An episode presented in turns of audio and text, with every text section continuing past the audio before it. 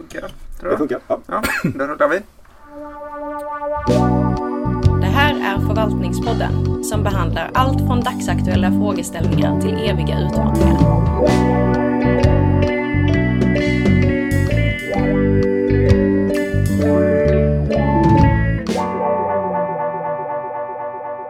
Ja, välkomna till avsnitt nummer fem av Förvaltningspodden. Idag så ska vi prata om sociala investeringar. Med oss har vi i vanlig ordning, på att säga, men som även har varit med tidigare, Gustav Kastberg. ja, precis. Roligt att få med igen. Och så har vi också första gångs poddaren här, Christian Dagström, Precis, tack för att jag får komma. doktorand hos oss. Och vi börjar väl i den enkla änden som vanligt och fråga vad, vad är sociala investeringar för något? Ja, precis, det är, en, eh, det, är, det är en bra fråga för sociala investeringar har ju kommit på senare år då och, och växt som ett fenomen i offentlig sektor att man så säger, säger att man satsar på eh, sociala investeringar. Och, och då menar man ju mer en, en, en lite mer specifik företeelse då ofta och, och det handlar ju lite förenklat då i sin enklaste form om att vi, eh, vi, vi identifierar ett problem av någon slags social karaktär då. Eh, och vi ser framför oss att om vi åtgärdar det problemet nu, eh, vi sätter in extra resurser nu, så kommer vi så att säga på sikt göra en större vinst. Och ja, redan där är några dimensioner som man kanske ska eh, lyfta fram lite extra då. Och det ena är ju att man har inte lyckats åtgärda det problemet inom ramen för den befintliga organisationen lite förenklat. Så att det krävs någon slags extra insats. Eh, och det kräver då att vi satsar mer resurser, vi avdelar mer resurser. Eh, ekonomiska eller om det handlar om personalresurser. Det kan, det kan vara olika saker. Eh, Men att vi då över tid sen ser att det där kommer leda till för den offentliga sektorn då besparingar i verksamheterna. eh, Och för den enskilde eh, individen som på något vis berörs av detta då. Så kommer det väl leda till ett bättre liv. Eh, Det är väl liksom det mest basala egentligen då. Och där kan man ju ta Eh, tänka sig olika exempel då. Eh, ett sånt här som man ofta eh, lyfter fram då det är ju från England till exempel där man tidigt började prata om detta. Och där man satsade på sådana som lämnar fängelset då. Och då vet man ju att det är en stor så här, återfallsfrekvens bland de här. Som, har, som har, är tidigare straffade. Och kan man då undvika att de återfaller i brott. Eh, eller att de återfaller i narkotikamissbruk. Och det där hänger väl ihop ofta då.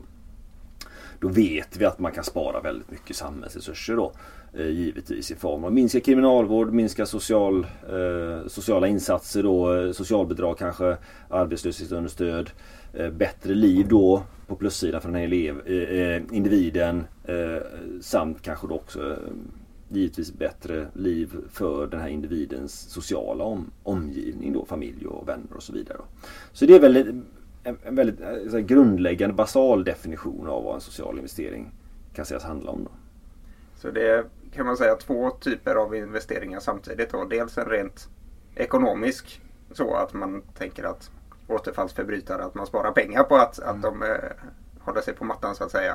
Eh, men också rent eh, filantropiskt att, att människor mm, har, har personlig nytta av de här investeringarna. Då.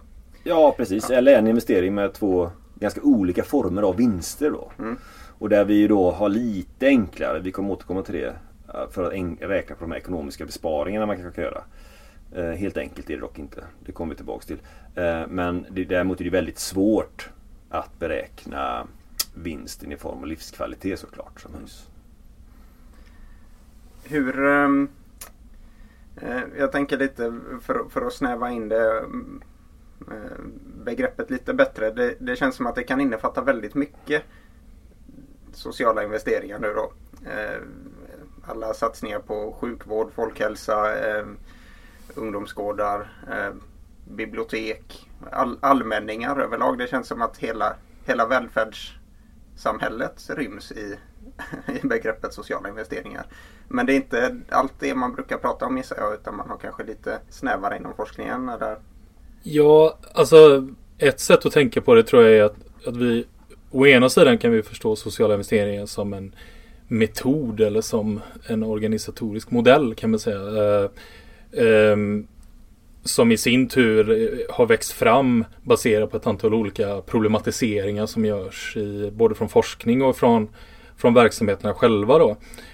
Eh, och å andra sidan så kan vi, kan vi prata om vad sociala investeringar vill uppnå. Så att säga. Vilka typer av problem de ad, eh, modellen adresserar som vi adresserar genom modellen.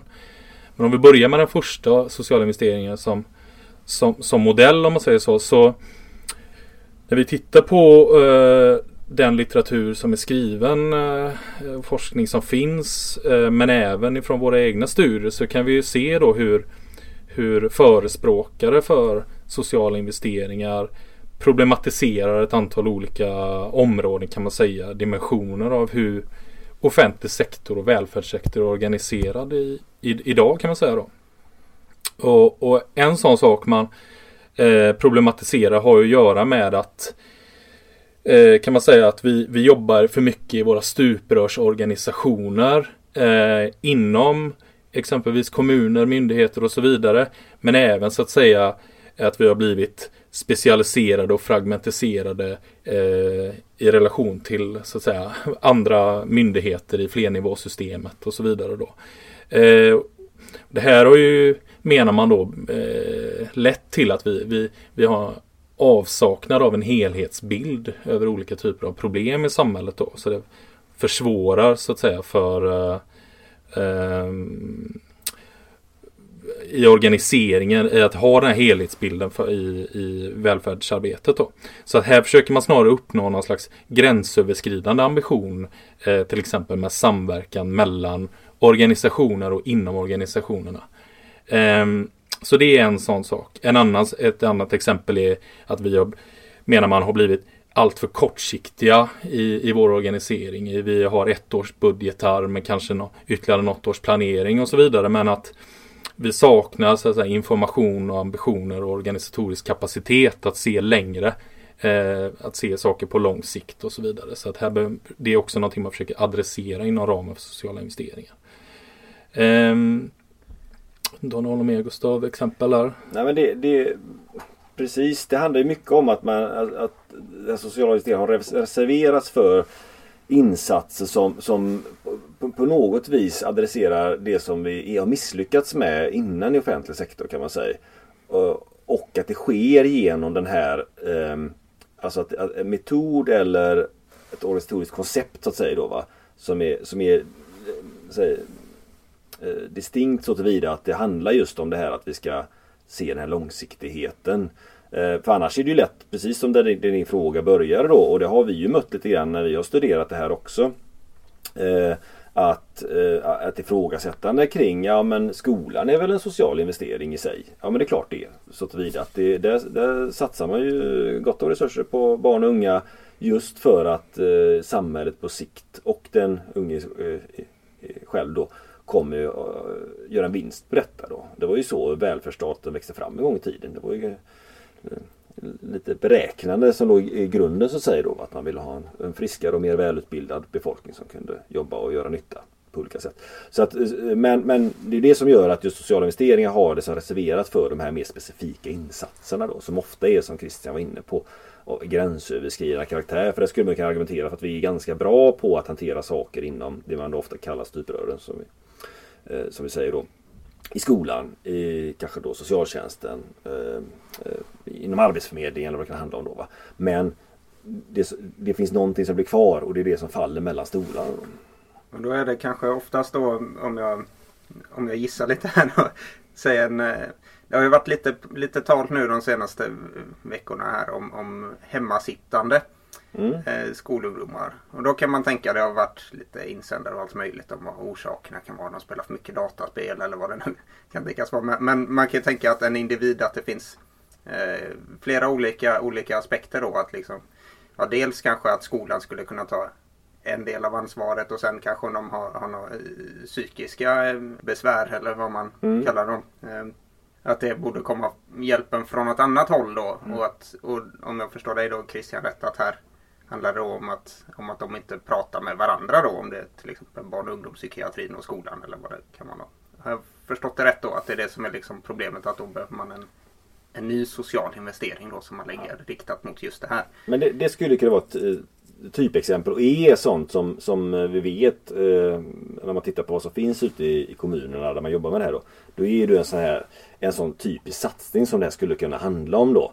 Att man eh, att man bestämmer sig för, man, man vet att går man ur grundskolan med ofullständiga betyg så finns det ett tydligt samband med eh, här, hur det går för en i rest, eh, resten av livet så att säga då, lite förenklat. Eh, och om vi då Eh, eh vi hade ju som en del i ett, ett projekt som vi hade, vi studerade detta, så då var det just, eh, då adresserade man just det här då va? Med hemmasittare. Eh, och då vet man ju till exempel att redan i, i årskurs eh, 3 och 4 på låg och mellanstadiet så ser man ju då eh, så här, varningssignaler då att de är här, Det är inte så att man går hem från full närvaro till full frånvaro med en gång utan det är en glidande övergång då. Va? Och att man då, om man där då kan göra skolan och socialtjänst det är ju ofta en vidare problematiken att, att ungen bara vill spela GTA eller någonting hela dagen. Då. Utan det, det finns liksom, eh ofta en annan social, mer komplex bild. Då, och om man då som skola och socialtjänst och kanske någon annan eh, funktion då kan, eh, kan göra en gemensam eh, omedelbar insats då. Då kan man undvika mycket problem senare. Då. Så det är väl ett typexempel på en, en bra, eh, ja, ett, ett, ett, område som ofta förekommer. Precis och eh, exempelvis det här med, med hemmasittande eller att man inte når gymnasiekompetens och så vidare. Då, som, det, det är ju det man ibland pratar om som en så sociala bestämningsfaktorer i folkhälsoforskning och så vidare. Då. Och, eh, det man kanske lyfter upp här har ju mycket att göra med eh, att det, det, är ett utfall men det finns en massa olika bakomliggande orsaker exempelvis. Eh, som man kan tänka sig till varför man inte når eh, gymnasiekompetens eh, eller varför man blir hemmasittare i skolan och sånt. Och det, det är just där man brukar peka på att kompetens från olika områden kan vara barn och ungdomspsykiatri eller olika så att säga, typer av kompetenser som inte alltid finns i skolan mm. fast man kan uppleva det som en skolproblematik så att säga. Då. Så då behöver man samla och samverka menar man här då. Eh, så det, det, det kanske man kan lägga till i sammanhanget. Precis, och, det, och då kan man ju lätt föreställa sig att ska man få till stånd det där alla, var och en, läraren, eh, kuratorn, eh, socialsekreteraren har väl fullt upp i sitt vardagliga arbete då. Va? Och det är ju det här med investeringen kommer in då. Att vi måste väl förmodligen då skjuta till några slags extra resurser för att få till stånd det här samarbetet, den här insatsen. Då, va? Eh, så där kommer den här investeringsbiten in då. Och problemet har ju varit då såklart att respektive organisation har väl då upplever väl i sin vardag såklart att man har förbrukat sitt budgetutrymme och man, man bedriver mycket verksamhet. Man har massa olika saker som man måste göra.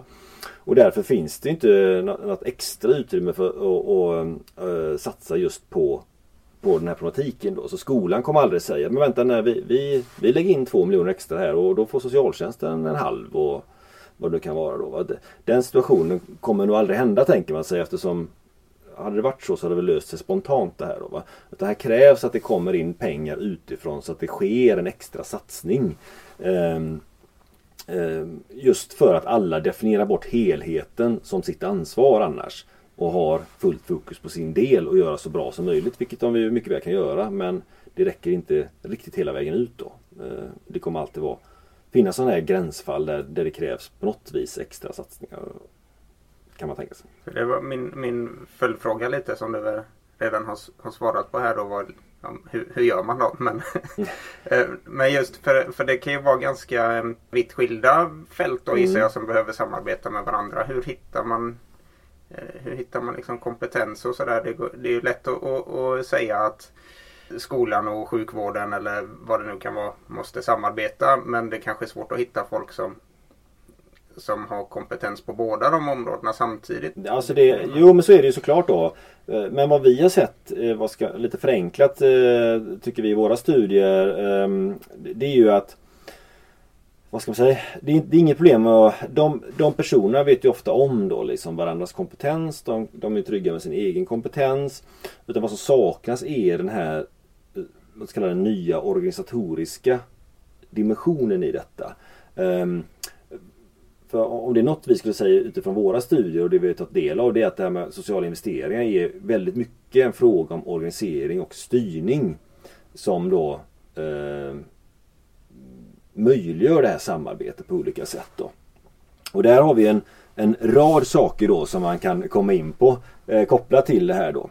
Ehm, eh, en första sån sak det är ju eh, till exempel vem som ska vara ehm, övergripande ansvarig för att det är samarbete. Man, man pratar ibland att, att eh, i det här sammanhanget om att det finns en ägare till den här sociala investeringen eller en, en finansiär då till den här sociala investeringen. Eh, vem av de här parterna ska vara det? För det är ju såklart inte självklart från början. Eftersom det just är gränsöverskridande problematik ofta. Nu, nu, måste man ju inte alltid definiera det som en gränsöverskridande problematik för all del då. Va? Men på något sätt så måste det vara någon som eh, så att säga, får ett övergripande ansvar för att det här genomförs. Då, va? Ehm, så det är ju den ena komponenten i det. Och den eh, ägaren eller finansiären som kommer med de extra resurserna ehm, ska ju i sin tur då få de här parterna då att skapa en slags samverkanskonstellation kring till exempel hemmasittarproblematiken då. Och då ska ju de hitta stabila former där det här kommer upp på deras dagordning och anses som en viktig syssla. Eh, och att man verkligen genomför det och så att säga committar sig till det här samarbetet. För det vet vi att det där sker ju i konkurrens med massa andra viktiga uppgifter som man har i sitt, i sitt ordinarie arbete såklart. Då, eh, så att det skapar en situation, vi, vi, vi pratar ibland om hybridbegreppet då, att man ska föra samman en mängd olika element då eh, som vi normalt inte hittar tillsammans då och skapa någon slags stabilitet i det. Då. Och det, det är inte en helt enkel eh, utmaning. Um, utöver det så har vi ju den här finansiella situationen då. Hur ska man Okej, okay, vi har pratat om att, att tillföra en extra peng då. Va? Eh, och då gjorde ju du Christian en, eh, en mindre undersökning här i västra Sverige kring hur man har valt att eh, ordna det här finansiellt då. Då, då vill jag minnas att de, de allra flesta har kört på det som man ibland benämner budgetmodellen då.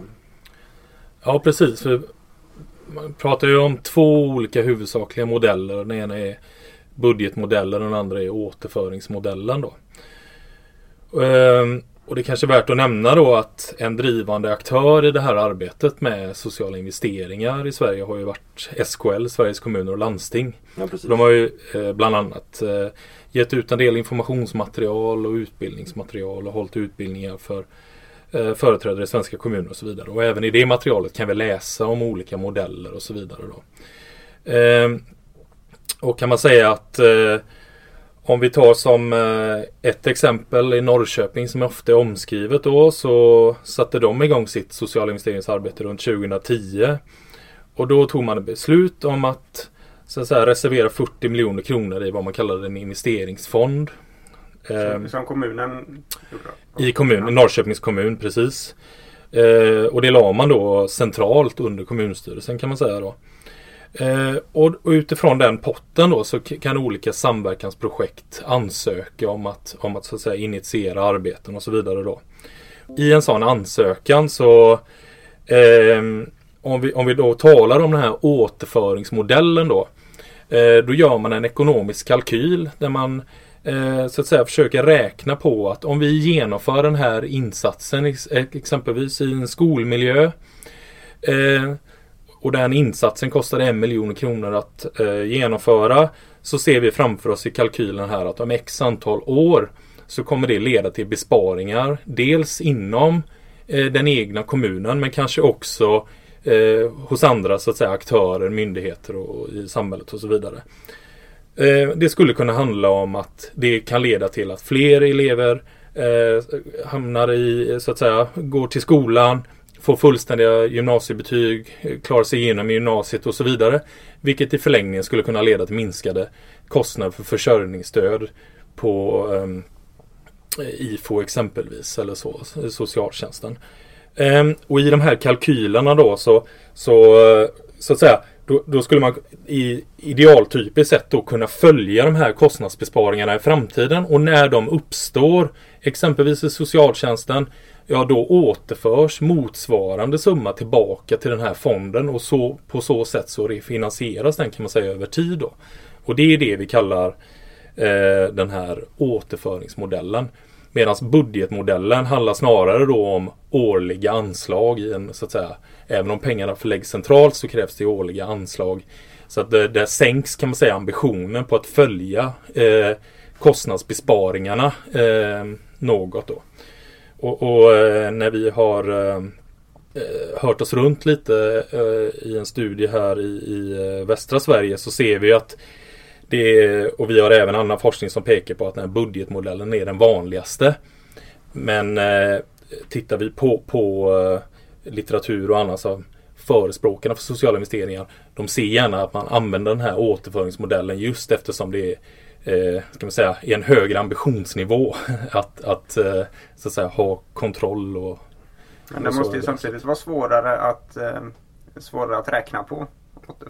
Det, det, finns väl, det, det, är ju den ena dimensionen att det är mycket svårare att räkna på återföringsmodellen. För då, lite förenklat är det så att då ska man ju tänka sig då att ja men eh, okej okay, nu får vi Kalle och, och bli duktig i skolan och få fullständiga betyg och så vidare. Då, då kommer socialtjänsten spara en miljon eller två miljoner. Arbetsförmedlingen två miljoner. Ja, det bygger på sådana uppskattningar då som man gör. Och så, ska, så lite förenklat så ska ju de då eh, kanske inte hela beloppet men en viss del av det beloppet ska ju då återföras. De besparingar de gör. Det är ju den ena dimensionen av det men det ställer ju höga krav på att man kan göra vettiga sådana beräkningar. Och det där är väl säga, olika enkelt beroende på vad det handlar om. Ofta ganska svårt såklart då. Det är ju den ena dimensionen av det. Eh, en fördel med sånt upplägg då det är ju såklart att de parterna om de vet att de kommer få lämna från sig resurser så kommer väl de eh, vara måna om att också se besparingarna och det skapar en högre grad av commitment kan man tänka sig. Då. Alltså det, det är väl en del i det här paketet att då, då kommer de vara mer intresserade av att verkligen få den här sociala investeringen och att fungera så att säga som, som modell och praktik. Um, så, så det, det, det, där är ju en central dimension av det så att säga då att, att skapa commitment och sen då kunna räkna hem de, de, eh, de resurserna då. Men sen, sen, sen finns det ju eh, det, det, är svårt att räkna på detta såklart på ett vettigt sätt. Eh, vi har väl sett det lite grann i våra egna studier att de här parterna då de är ju inte sådär jättesugna på att eh, skriva under på att de kommer behöva ge ifrån sig resurser i framtiden. Då. För eh, de misstänker väl att det kanske inte är så enkelt att göra de här besparingarna. Kanske. Till exempel. Så att det, det är ju ett, ett problem som vi sett i detta. Ett annat är ju såklart just själva kalkylproblemet då. Hur ska man värdera olika dimensioner i detta? Handlar det bara om att värdera de här besparingarna? Återföra medlen? Eller handlar det eh, om att eh, väldigt osäkert värdera det här som vi var inne på tidigare, den här sociala dimensionen som är eh, för, för den enskilda individen, deras förbättrade livssituation då som väl kan vara värt enormt mycket såklart. Då, va? Men där finns det ju ingen eh, där, där, där, finns det ingenting att återföra så att säga. Då, va? Jag tänker eh. spontant ett, ett potentiellt problem borde ju vara också att, att pengarna kan återföras till något helt annat ställe än vad man har tänkt. Om man tar, ja, nu är Norrköping en ganska stor eh, ort men säg, säg någon mindre ort då som satsar på att eh, barnen utbildar sig. Så det som händer då kanske är att de flyttar till Stockholm och betalar in alla sina skattepengar där på, istället. Då, till exempel. Då. Ja, ja nej, men det, det, har ju just med det här när man ska fördela ut eh, kostnader och vinster då att det kan ju vara en, det är oftast är det en part som tar en väldigt tydlig stor del av kostnaderna nu. Eh, men sen är det spritt på olika parter och eh, folk är ju inte livegna så de flyttar ju runt och, och, det händer både det ena och det andra i livet som gör att det är helt omöjligt att garantera att just, eh, just de som har varit delaktiga i, kanske då skrivit under på att man ska återföra medel framöver. Att det är just de som får vinsten. Men det, där misstänker väl vi då att där har vi också förklaringen till varför återföringsmodellen är ganska ovanlig om man jämför med budgetmodellen då. Budgetmodellen är mycket enklare. Här satsar vi pengar. De parterna som går in i det tar ju nästan ingen risk. Va? De får extra pengar för att göra någonting.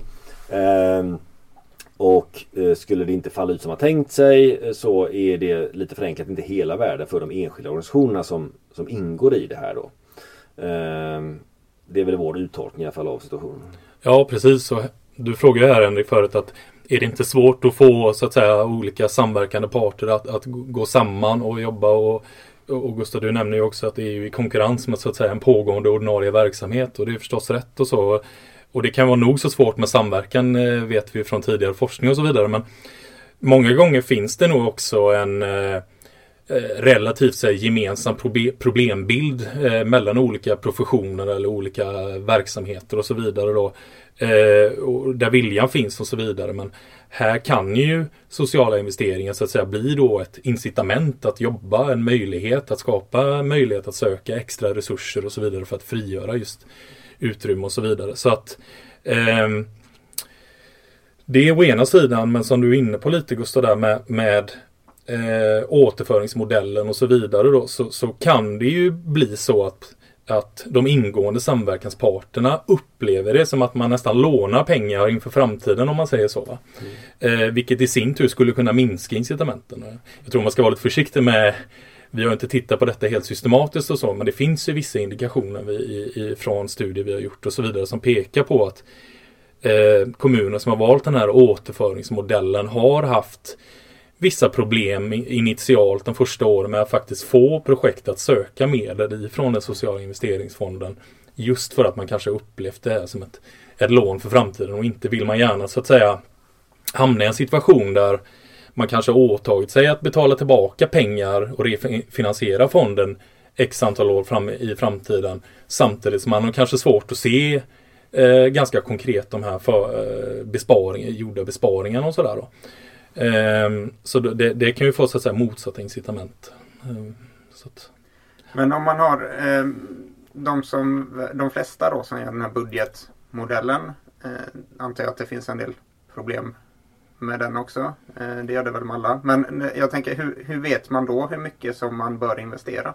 Man återföringsmodellen så kan man ju räkna på det men med budget är det man bara bestämmer sig för någonting. Nej men precis. Där, där har, vi ett, eh, där har man ju ett problem tanken är ju, skulle svaret vara då att nej men okej, okay, vi har budgetmodellen. Eh, I övriga delar så ska, ska den i princip kunna fungera som eh, precis som vid återföringsmodellen då att man ställer ett krav på eh, ett projekt då. Att, det, att man ska kunna visa att, det, att man når de här samhällsekonomiska vinsterna på sikt då. Eh, och då ska man ju bara satsa på dem där man ser att de vinsterna kommer uppstå. Eh, så att eh, egentligen just den här, hur man löser ekonomiska finansiering om det är budgetmodellen. Det ska egentligen inte spela så stor roll för om man sen tittar på hur själva projektet gestaltar sig och den här insatsen gestaltar sig då. Ehm, eh, eh, inte, inte rent så här, om man tittar på hur, hur modellerna ser ut och dess logik då. Eh, men sen har vi ju eh, men vi har, vi har ju sett då, det lyfter man fram själv också när vi är ute och pratar med sådana som jobbar med det här i praktiken. Då, att risken finns ju, tycker man ju då att det här med budgetmodellen då att det, att, att det skapar snarare incitament som, som liknar en vanlig projektfinansiering då. Så att ja, men vi finansierar ett projekt här då. För det finns en väldigt starkt levande tanke kring det här med sociala investeringar att det här ska leda till positiva spridningseffekter också. Så att ehm, eh, eh, man pratar om att det finns en slags nyckelkostnad i detta. Att vi gör en sak nu här. Vi visar att modellen fungerar. Okej, okay, det kostar lite mer. Men sen när man väl ser och vinsterna blir uppenbara. Då kommer aktörer vara mycket mer intresserade av att jobba på det här sättet. Kanske då även utan extrafinansiering för att de ser att deras egna verksamheter på sikt kommer att tjäna på det. Då. Man pratar också ibland om, eh, man lånat in det från nationalekonomin, det här multiplikatoreffekten då. Va? Så att om vi, om vi satsar eh, 5 miljoner på hemmasittarproblematik här i en stadsdel i Göteborg till exempel. Då, så, så kan vi då kanske på sikt se framför oss då i den bästa av världar att om vi, om vi hittar en, en bra stabil modell som verkar ha god evidens för att den fungerar. Då kommer andra sen automatiskt ta efter den. Då. Så att det är en sån här eh, eh, stark tanke i det här sociala investeringskonceptet eh, eller modellen. Då. Och då, då, menar man liksom lite grann att, att, att det här är i kontrast med det här vanliga projekttänket som man har där, där projekt mest genomförs ofta kanske rinner ut i sanden eller det kan vara lyckosamt men, men sen blir det ingen förlängning på det. Så att man, man har den idén, upplever jag, starkare i det här med sociala investeringar. Det tror jag du har rätt i. Och det, man skulle kunna prata exempelvis om operativa mål eller strategiska mål eh, kopplat till detta. Då. Eh, jag tänker också att ett sätt att bryta ner eh, sociala investeringar. Eh, ja, så jag lurar på tre olika dimensioner. Och det första kanske handlar om att uppnå det här eh, sociala investeringsperspektivet mycket bredare organisationer. Och det är väl det du, mm. du pratar lite om här Gustav. Då, att då, handlar det, då handlar det om att få många aktörer så att säga i, i våra kommuner och i, ja, kanske i samhället i stort då att, att se sociala, betrakta sociala satsningar som just en investering och inte en kostnad idag. Eh, även om de så att säga ger möjligheter då till, till framtida avkastning. Det är den ena eh, så att säga, social investeringsperspektivdimensionen.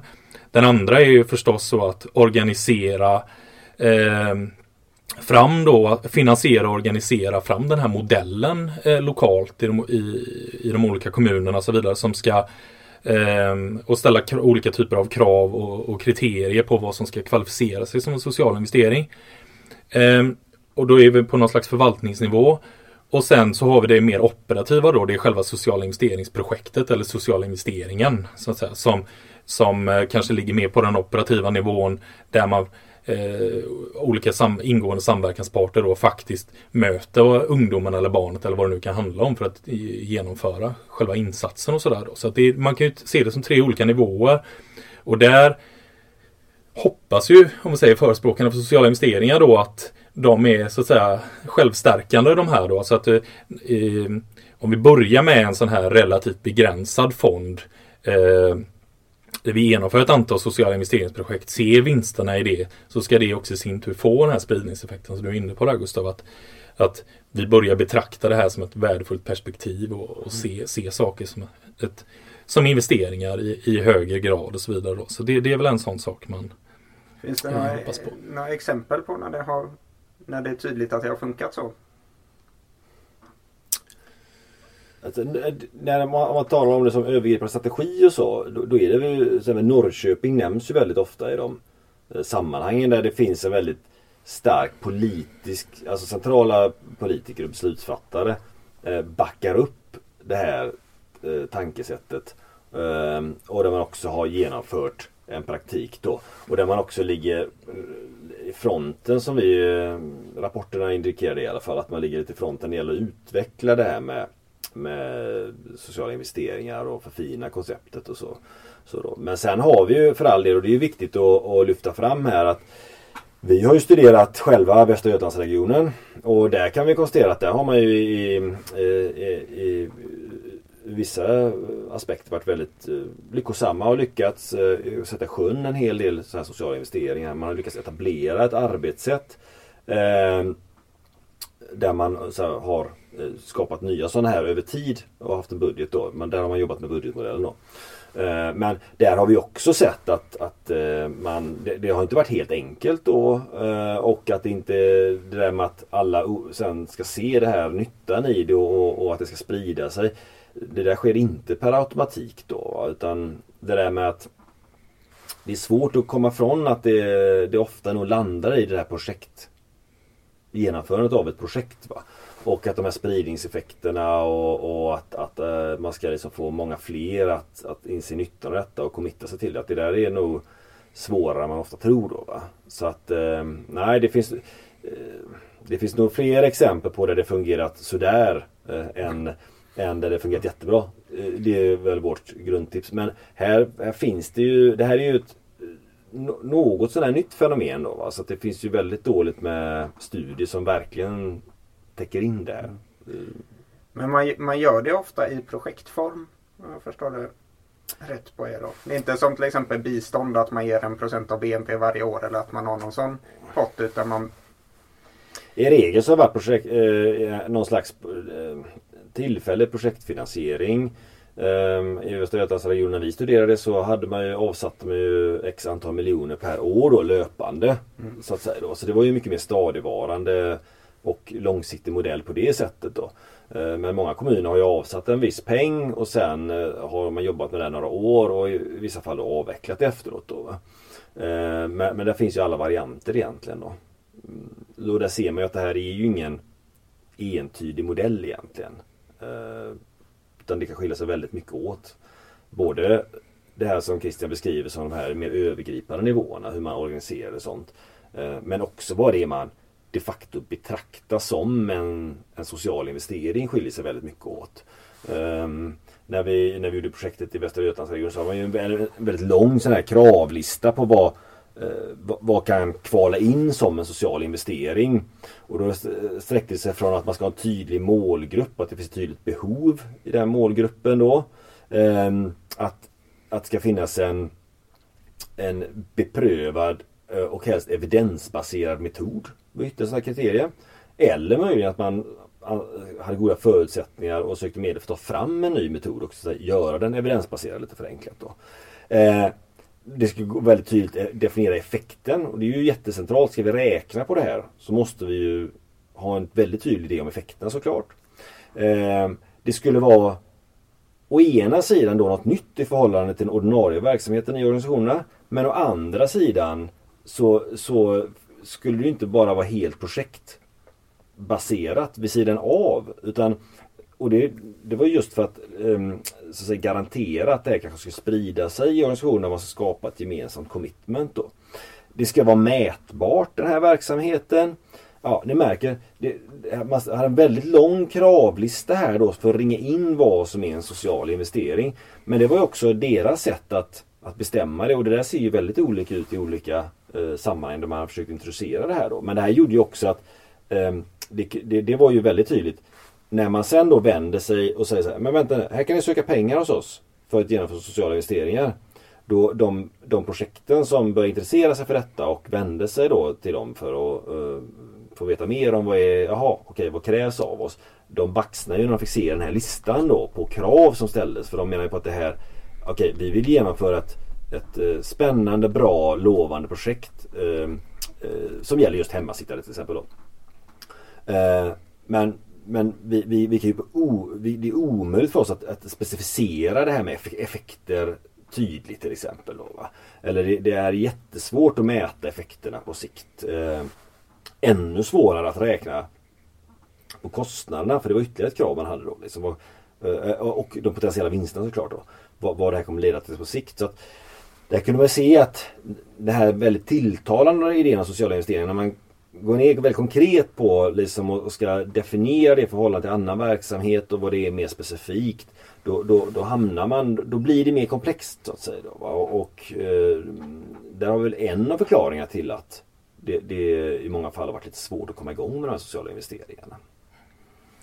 Men jag tror att det är en viktig poäng där Gustav att sociala investeringar är ju inget juridiskt begrepp. Det är inte Nej. något som är helt igenom definierat eller så vidare. Um, utan det, det, det uppstår lokala modeller och så vidare här då. Men jag tror att det Ibland får man just den här eh, frågan då, vad skiljer sig sociala investeringar från bara allmänt förebyggande arbete eller så vidare? Eller kan vi inte se framför oss att en kommun som så att säga investerar i, i barns skolgång då, inte det är en social investering och så vidare. Men jag tror att här, man skulle väl kunna argumentera i alla fall för att eh, i, när vi pratar om sociala investeringar så pratar vi om kommuner och regioner som, som avsätter eh, ofta så att säga eh, nya medel eller åtminstone så att säga specificerade medel eh, i syfte då att finansiera och initiera specifika preventiva insatser. Man pratar om tidigt i process, tidigt i ålder och den typen av saker.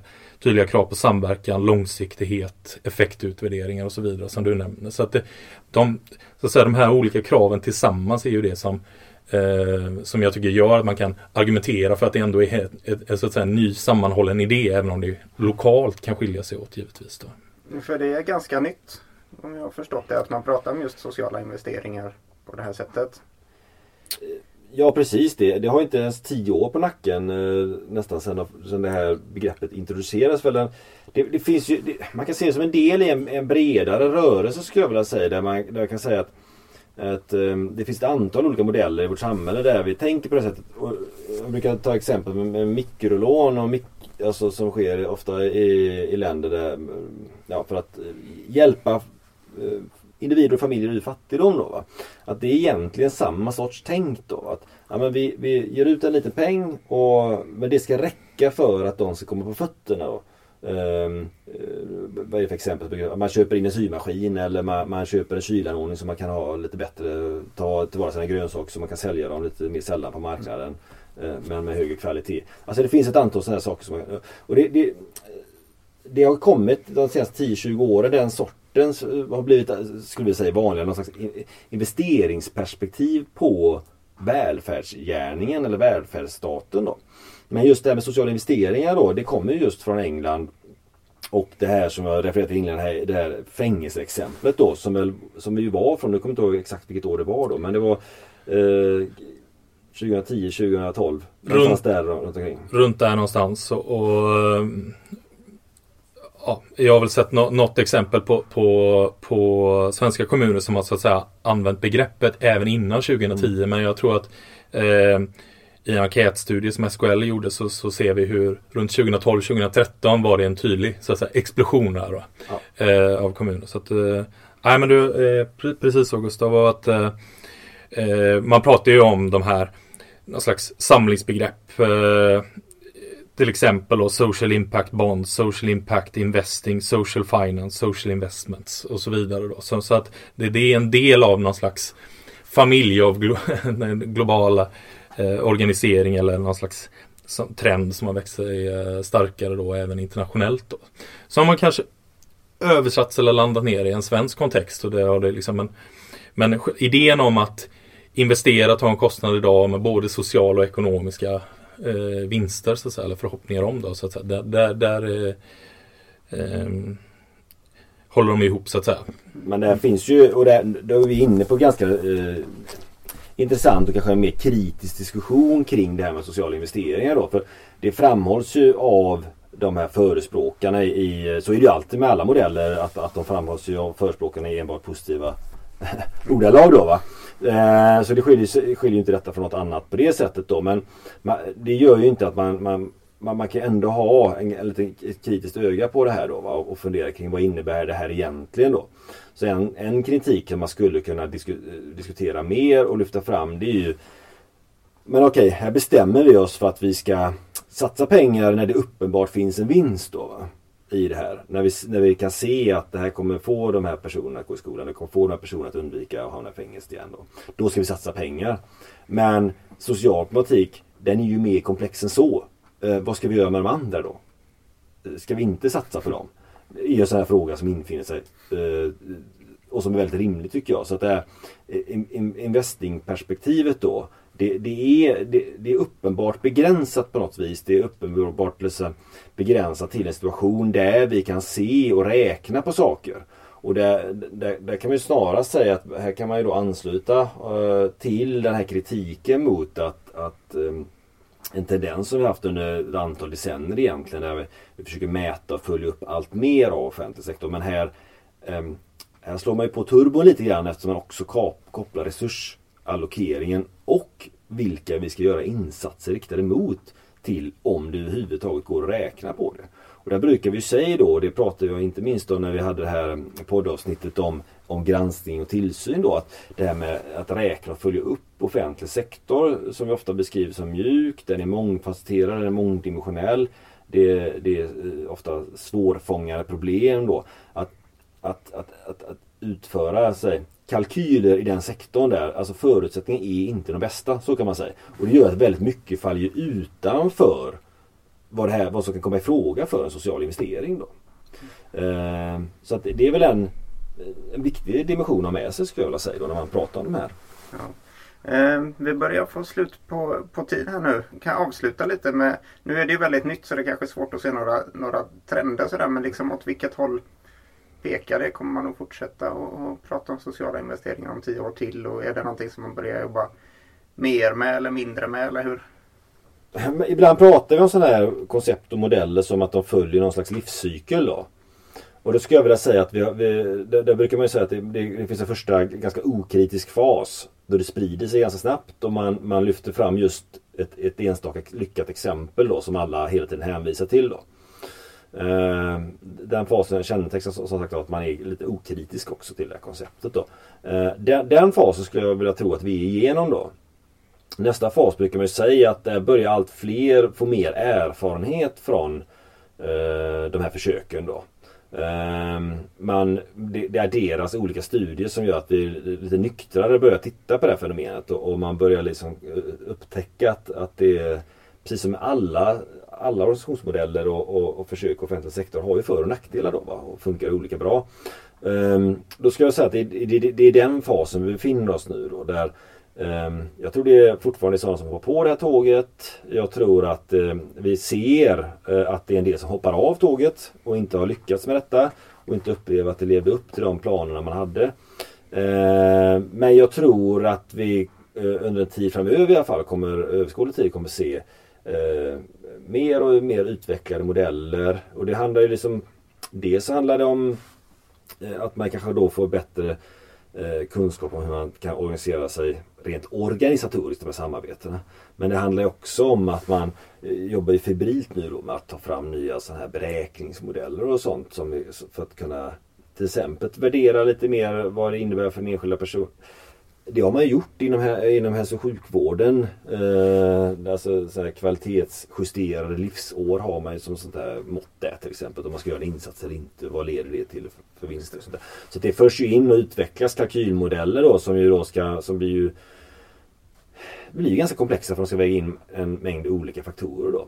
Så det pågår ett utvecklingsarbete som väl gör att att det här kommer eh, utvecklas. Vi kommer få se mer av det. Men eh, vi kommer också få se en hel del som skulle jag tro avslutade då. Mm. Just att det är inte riktigt så enkelt eh, när man väl ska börja jobba med det som man kanske trodde. Vet, vad tror du Christian? Jag håller med. Ja, det är alltid, förstås alltid lite vanskligt att sitta och gissa lite om framtiden och sådär. Men att jag tror kanske också vi kommer se eh, vissa kommuner som, som utvecklar modeller mot ännu mer sofistikerade modeller. Typ social impact bonds. Eh, som egentligen bygger på komplexitet och så vidare. Eh, å ena sidan. Å andra sidan så tycker jag mig skönja en utveckling som går just mot att eh, så att säga en, en, mer allmänt hållen idé om det här investeringsperspektivet och samhällsekonomiska beräkningar lite bredare än den här ganska avgränsade modellen, metoden sociala investeringar man, man försöker göra beräkningar av olika typer av konsekvensresonemang och samhällsekonomiska kalkyler och så vidare. I, även utanför så att säga, den mjuka sektorn som skola, socialtjänst och så vidare och även in i, in, in i hårdare sektor och så vidare. Så att eh, mm, eh, Vi får se, man kommer nog att och, eh, och jobba med det på ett eller annat sätt i alla fall kanske då. Alltså de sociala problemen kommer inte försvinna. Så, Nej, precis. så, så det, det finns ju en, en efterfrågemarknad på det viset. Ja, och den kan nog inte sina i första taget. Eh, vi får hålla utkik helt enkelt i världen och samhället och se vad som händer de närmsta decennierna. Så. Yes. Ja, är det något eh, akut som ni måste säga som jag har missat? Och... Nej, inte alls. Utan, men vi ser ju att det finns en växande litteratur nu så att man kan ju söka, söka sig till lite mer kunskap nu än vad man kunde för bara några år sedan. Då, så att mm. de som intresserar sig för detta Eh, där, eh, där, där, kan man ju så att säga eh, gå in lite mer kritiskt i detta och jag tror att det är viktigt att man då funderar på vad är målbilden med detta egentligen? Ska, vill vi bli liksom the social investment municipality? Alltså att man verkligen går all in i detta. Eller är det så här att ja, men, i vår kommun så brottas vi med en specifik problematik här. Det är ganska avgränsat. Och, och, men där vill vi göra vissa satsningar. Då. Så jag tror att man, ska, man, kan, man, man bör så att säga, läsa på rejält och, och försöka eh, ringa in den egna målbilden. Vad vill vi åstadkomma med detta? Och det behöver inte vara så grandiost som man kanske tror när man lyssnar på oss då. Liksom att det i alla nivåerna. Så här då. Det kan vara mer avgränsat också då att man, man har en mer modest ambition med detta. Det, då, då misstänker man också att det också är lite enklare och mer överkomligt att göra. Ja, då eh, låter vi det vara sista, sista ordet på avsnittet. Så tills nästa gång. Tack! Tack! Du har lyssnat på Förvaltningspodden, en podcast om offentlig förvaltning från Förvaltningshögskolan vid Göteborgs universitet.